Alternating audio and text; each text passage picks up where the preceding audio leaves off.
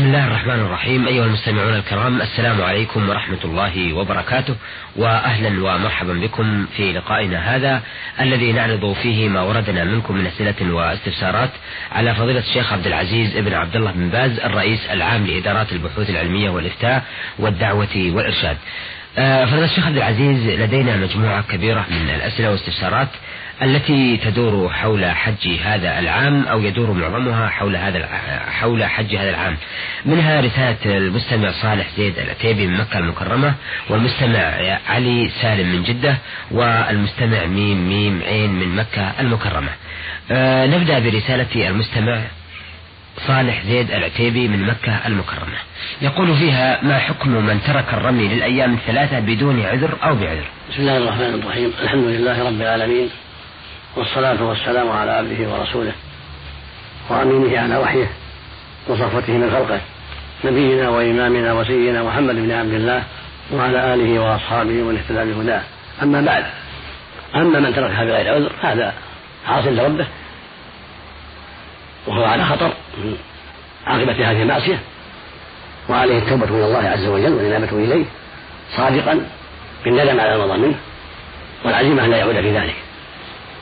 وعليه دم أيضا مع مع التوبة دم يذبحه في مكة للفقراء لأن الغني واجب وقد تركه فعليه أن ينهر عن هذا دما يوزع بين فقراء مكة وهو والدم المراد به إذا أطلق رأس من الغنم ثني ماز أو جذع ضان أو سوء بدنة أو سوء بقرة هذا هو المراد الدم. أما المعذور فهذا لا إثم عليه وعليه يوكل كالمريض ونحوه. لا لا حرج عليه في التأخر ولكن يلزمه أن يوكل من يرمي عنه. نعم. أيضا يقول ما حكم من نسي ركعتي الطواف وصلاها بعد السعي لا حرج. ركعة الطواف سنة فلو تركها طوافه صحيح وحجه صحيح وعمرته صحيحة لكنها سنة مؤكدة. لا ينبغي تعمد تركها بل ينبغي أن يحافظ عليها خلف المقام إذا تيسر أو في أي بقعة من المسجد الحرام. أو في أي بقعة من الحرم فعلها أجزأت. وإذا فعلها بعد السعي أجزأت أيضا ولا حرج. نعم. آه سؤاله الأخير سؤال صالح يقول ما حكم من مرض بعد نية العمرة والحج متمتعا ومرض بعد وصوله مكة ولبس ثيابه لمرضه. أعيد يقول آه ما حكم من مرض بعد نية العمرة والحج متمتعا ومرض بعد وصوله مكة ولبس ثيابه لمرضه؟ حكمه أنه لا يزال في إحرامه ما دام أحرم بالعمرة والحج أو بالعمرة قصد يتمتع بها الحج ثم مرض بعد دخول مكة حكمه أنه لا يزال في إحرامه. وعليه إذا شفاه الله أن يطوف ويسعى وعليه يزيل الملابس المخيط ويبقى في الإزار والرداء إلا إذا قال الطبيب يحتاج إلى تدفئة ويغطي رأسه ويلبس لباسا يعني مخيطا فلا بأس وعليه فدية وهي طعام ست مساكين. أو ذبح شاة أو صوم ثلاثة كما تقدم عن النفس. وهكذا عن تغطية الرأس إذا غطاه للحاجة للمرض. هذا كله إذا كان لم يستثني. أما إذا كان استثنى قال فإن حبسني حابس فمحلي حيث حبستني فإنه يحل ولا شيء عليه. أصابه مرض يمنعه من من أداء النسك فإنه يتحلل ولا شيء عليه لأنه اشترط. النبي عليه السلام قال لرباعة بنت الزبير بنت عمه الزبير بن عبد المطلب. لما دخل عليه وشاكيه قالت يا رسول الله الحج قال حجي واشترط بأن محلي حيث حبستني قال العلماء معناه أنه أنها إذا اشترطت المرأة أو اشترط الرجل في إحرامه أن محل حيث يحبس أو فإن حبسني حابس محلي حيث حبستني أو قال فإن حبسني حابس فأنا حلال أو فأنا في حل أو ما أشبه هذا من العبارات فإنه إذا حبسه حابس من مرض أو ضياع لفقة أو ما أشبه هذا مما يمنعه من الحج فإنه يحل. نعم. آه هذه الرسالة وردتنا من علي سالم يقول من طرف علي سالم من جدة تصلكم هذه الرسالة. مهنئا لكم آه، فيها بسلامة حج هذا العام ومباركا لكم بالعام الجديد وراجيا أن تجيبون على بعض هذه الأسئلة حيث وقع آه، لنا شك فيها. يقول ما هو الراجح لأهل مكة بالنسبة للصلاة في عرفة ومزدلفة ومنى؟ النبي صلى الله عليه وسلم صلى بالناس في عرفات وفي مزدلفة وفي منى قصرا ركعتين ركعتين الظهر والعصر والعشاء. ومعه أهل مكة وغيرهم. ولم يأمرهم بالإتمام. فدل ذلك على أن مكة مع الناس. سواء سمينا الخروج إلى منى وعرفات سفرا أو لم نسميه سفرا. سواء سمينا سفرا أم لم نسميه سفرا. فإنهم يقصرون مع الحجيج وهكذا جمع النبي صلى الله عليه وسلم في عرفات ومزدلفة بين الظهر والعصر في عرفة والمغرب والعشاء في مزدلفة والناس معه. ولم يقل أهل مكة أتموا ولم يقل لهم لا تجمعوا فدل ذلك على أنه لا حرج عليهم في الجمع والقصر وهذا هو المختار وهو الأرجح من أقوال أهل العلم في هذه المسألة. نعم. آه، أيضا يقول ما حكم من حلف يمينا وهو مصلح بين طرفين ونكث فيها؟ هذا مجمل لكن يفسر على حسب ما تحتمل العبارة. نعم. إذا قال والله لا أفعلن كذا لا أزاورنكم أو والله لا لو لو أعيننكم على كذا وكذا أو والله إن فلان ما فعل كذا أو ما فعل كذا في طريق الإصلاح. نعم. فهو في حلفه بقصد الإصلاح. حلفا لا يضر أحدا. لا حرج عليه في ذلك. والله إن فلان قال في كذا. والله إن جماعة أثنوا عليك ويشكرونك ويقولون إنه صاحبنا وكذا. يصلح بينهم. نعم. أو قال والله لازورنكم وأساعدنكم على مهمة. إذا صلحتم وإذا تركتم هذا الشقاق. فإنه عليه أن يوفي لهم بهذا الشيء. لأن يعني الوعد له ومن خصال المؤمن الوفاء بالوعد ورواه حق إسماعيل. واذكر في كلام إسماعيل. إنه كان صادق الوعد وكان رسولا نبيا ولا ينبغي له أن يخل بالوعد لأن الاخلال بالوعد من صفات أهل النفاق. هناك إذا وعد أخلف وعليه كفارة إذا أخل بذلك مع كونه اتصف بصفات أهل النفاق في الإخلال بالوعد عليه أيضا كفارة اليمين. والله لأزورنكم في يوم كذا أو والله لأساعدنكم ولم يفعل. فعليه كفارة اليمين وعليه معرة خلاف الوعد. وقد يأثم عند من قال بوجود الوفاء وهو ظاهر الأدلة وقد لا يأثم لكنه وقع في خصلة من خصال النفاق ينبغي أن لا يقع فيها. وظاهر الأدلة الشرعية أن الوفاء بوعد أمر واجب وأن الإخلال به محرم ومن صفات أهل النفاق. فلا يليق بالمصلح والموجه أن يخلف الوعد لأن هذا يخل بالإصلاحات المستقبلة. فلا ينبغي له أبدا أن يخلف الوعد. بل ينبغي له أن يفي بالوعد ويحرص في ذلك. وهكذا الأيمان الأخرى. ما كان منها كذبا للإصلاح ولا يترتب عليه مضرة أحد فلا حرج عليه في ذات الإصلاح. كما في الحديث الصحيح من حديث أم كلثوم بنت عقبة بن معيط قال سمعت عليه الصلاة والسلام يقول ليس الكذاب لم يصلح بين الناس فيقول خيرا ويرمي خيرا. قال فلم أسمع يرخص في شيء من الكذب إلا في ثلاث في الإصلاح بين الناس وفي الحرب وفي حديث الرجل امرأته والمرأة زوجها. نعم. فالإصلاح يوقع فيه الكذب الذي لا يضر الناس ولكنه ينفع الجماعة ويصلح بينهم ولا يضر غيرهم. نعم. آه سؤال آه علي سالم من جدة الأخير يقول لقد تفضل الملك حفظه الله بمكرمة زيادة راتب على راتب شهر رمضان. ولكن الأوقاف كانت تسأل أئمة المساجد هل أنت موظف أم لا؟ فمن كان موظفا لا تصرف له المكرمة بحجة تكرار المكرمة مع أن الأعمال مختلفة. فإذا قال له فراش لست موظفا وهو يشتغل في العسس أو خلافة فما حكم ما أخذه هل يرجعه أم لا؟ هذا إلى جهة مسؤولة؟ كل موظف يرجع إلى جهة مسؤولة. نعم. آه هذه رسالة وردتنا من المستمع ميم ميم عين.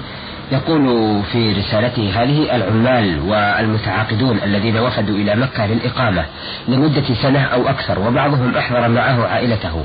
فهل يعتبرون من أهل مكة في موضع الهدي؟ آه وقد تكون العمرة التي أتوا بها في أشهر الحج. أحرموا لها من التنعيم فهل يلزمهم هدي أم لا؟ هذا محل نظر لأنهم غير مستوطنين ولأنهم غير وافدين في وقت الحج. فهم بين هؤلاء وبين هؤلاء. الله سبحانه لما ذكر المتعة والحديث فيها قال ذلك لمن لم يكن أهله حاضر المسجد الحرام. ولهذا اختلف أهل العلم في مثل هذا. هل يعتبر مثل هذا من حرم المسجد الحرام لأنه مقيم قبل العمرة وقبل الحج.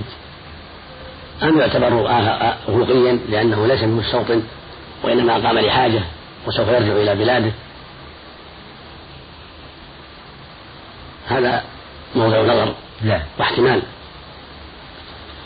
والأحوط عندي والأقرب عندي أن مثله ليس من حاضر المسجد الحرام في الحقيقة لأنه إنما جلس لعارض وأقام لعارض من تدريس أو طلب أو عمل آخر ثم يرجع إلى بلاده. فالأحوط له الهدي ويعامل نفسه معاملة الوافدين للحج. هذا هو الأحوط. والقول بأنه من حظ المسجد الحرام وأنه يلحق بهم قول قوي. لا لا يدفع قول قوي جدا. ولكن الأحوط في هذا والأقرب في هذا أنه يفدي وأن جانب كونه رقيا أقرب من جانب كونه من حاضر المسجد الحرام. أيضا يقول هل يجوز أن يجمع شخص بين امرأة وبنت ولد أخيها؟ ثبت في الصحيحين عن النبي عليه الصلاة والسلام أنه نهى يجمع الرجل بين المرأة وعمتها وبين المرأة وخالتها. وبين أهل العلم أن العمة تكون قريبة وتكون وتكون بعيدة والخالة كذلك. فليس للرجل أن يجمع بين المرأة وبنت أخيها التي هي عمتها ولا بنت ابن أخيها التي هي عمة أبيها؟ مثل هذا السؤال. فإن عمة الرجل عمة لأولاده وإن نزلوا. وهكذا خالته. خالة لأولاده وإن نزلوا. فليس له يجمع بين امرأة وبنت أخيها ولا بنت بنت أخيها ولا بنت ابن أخيها ولا بنت ابن ابن أخيها وهكذا. لأنها عمة الجميع. وهكذا ليس له بين المرأة وبين بنت أختها ولا بنت بنت أختها ولا بنت ابن أختها لأنها خالة الجميع وإن نزلوا. نعم. آه أيضا يقول المستمع ميم ميم عين من مكة المكرمة عند الإمام مالك القنوت في صلاة الصبح في الركعة الثانية وعند الإمام أحمد بن حنبل القنوت في صلاة العشاء في الوتر. فما دليل كل واحد فما دليل كل واحد منهم وشكرا. القنوت مشروع في الليل. هو بعد ليس في العشاء بل بعد العشاء إلى آخر الليل. هذا مشروع عند الجميع. القنوت في الليل مشروع عند جميع أهل العلم. سنة. الوتر. بين صلاة العشاء إلى طلوع الفجر ويشرع فيه القنوت. لحديث الحسن بن علي قال علم يرسل كلمات نقولهن في قنوت الوتر. اللهم اهدني من هديت وعافني من هديت. الحديث. هذا مشروع. الوتر عند الجميع. أما القنوت فهو فلست أدري عنه الآن هل هو محل إجماع أو محل خلاف لكنه سنة بلا شك وإن لم يكن فيه إجماع هو سنة لحديث الحسن في قنوت الوتر في الليل. أما القنوت الذي الذي يفعله بعض أهل العلم في الصباح كالشافعية والمالكية فهو على الصحيح غير مشروع إلا في النوازل إذا الحدث نازلة للمسلمين مثل عدو حطب البلد أو ببلد من المسلمين يقنطون في الفجر وغير الفجر. للدعاء عليه. أما القنوت الدائم في الفجر هذا غير مشروع على الصحيح. وقد احتج من قال بشرعيته بحديث يعني صلى الله عليه وسلم قال أن أنس رضي الله قال فأما بالصبح فلم يزل يقنط حتى فرق الدنيا. لكن حديث ضعيف. وجاءت الآية تفسره بأنه لم يزل يقنط يعني في النوازل خاصة. وأما من قال إنه لا يشرع في الصبح فحجته أظهر. وهو ما رواه أحمد وأبو داود والنسائي وغيرهم عن النبي صلى الله عليه وسلم عن سعد بن طارق سعد بن طارق بن أشيم الشيعي عن أبيه. قال عن سعد بن طارق قلت لأبي طارق بن أشيم يا أبتاه إنك صليت خلف رسول الله صلى الله عليه وسلم وخلف أبي بكر وعمر وعثمان وعلي. أفكان الرسول في الفجر فقال أي بني محدث هذا الحديث يدل على أنه محدث وأنه لا ينبغي في الصبح. إلا في النوازل أما كونه يفعل دائما فالصواب أنه محدث ولا يشرع. والذين قالوا بشرعيته لعله خفي عليهم ما بلغهم هذا الحديث حديث سعد بن طارق. ولو بلغهم لقالوا به. لكن لعلهم لم يبلغهم أو بلغهم وتأولوه على غير ظاهره.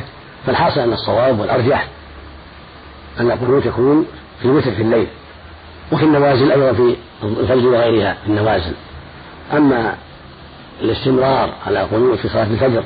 دائما هذا صواب تركه وأنه ليس بمشروع لحديث طارق بن هذا الذي سمعته ولا والعبادات توقيفية. لا يجوز منها إلا ما قام عليه الدليل. ولكن لو صلى الإنسان خلف واحد من هؤلاء فلا بأس يتابعه في ذلك لأنه له شبهة في هذا الشيء. فلا حرج إذا صلى مع واحد في الفجر وتابعه لا حرج في ذلك. لكن ينصح من من يفعل ذلك ينصح بأن الأفضل والأولى والأرجح ترك ذلك لأن طارقا ذكر أن هذا محدث وليس ليس من عادة النبي صلى الله عليه وسلم ولا عادة أصحاب الخلفاء الراشدين. وما كان كذلك فالواجب تركه إلا إذا وجد سبب لذلك من جنس ما تقدم يعني جنس النواز نعم. شكرا لفضيلة الشيخ عبد العزيز. أيها السادة إلى هنا نأتي إلى نهاية لقائنا هذا الذي عرضنا فيه رسائل السادة صالح سيد العتيبي من مكة المكرمة وعلي سالم من جدة وميم ميم عين من مكة المكرمة. عرضنا هذه الأسئلة والاستفسارات على فضيلة الشيخ عبد العزيز بن عبد الله بن باز الرئيس العام لإدارات البحوث العلمية والإفتاء والدعوة وإرشاد وقد عرضنا في هذا اللقاء وفي لقاءين قبله أسئلة تتعلق بالحج. آه، وذلك نظرا إلى أن هذه الأسئلة لم تصلنا إلا متأخرة وخشينا من تأخير الإجابة عليها إلى حج العام القادم أن يكون هناك التزام آه، كأن يكون على السائل دم أو خلافه ولو تركنا الإجابة على أسئلتهم لحصل تأخير بالنسبة لأداء ما عليهم. فرأينا عرض هذه الأسئلة على فضيلة الشيخ عبد العزيز ليجيب عليها وليتمكن من عليه هدي أو فدي في ذلك. شكرا للشيخ عبد العزيز بن عبد الله بن باز وشكرا لكم أيها الأخوة. وإلى أن نلتقي بحضراتكم نستودعكم الله. والسلام عليكم ورحمة الله وبركاته.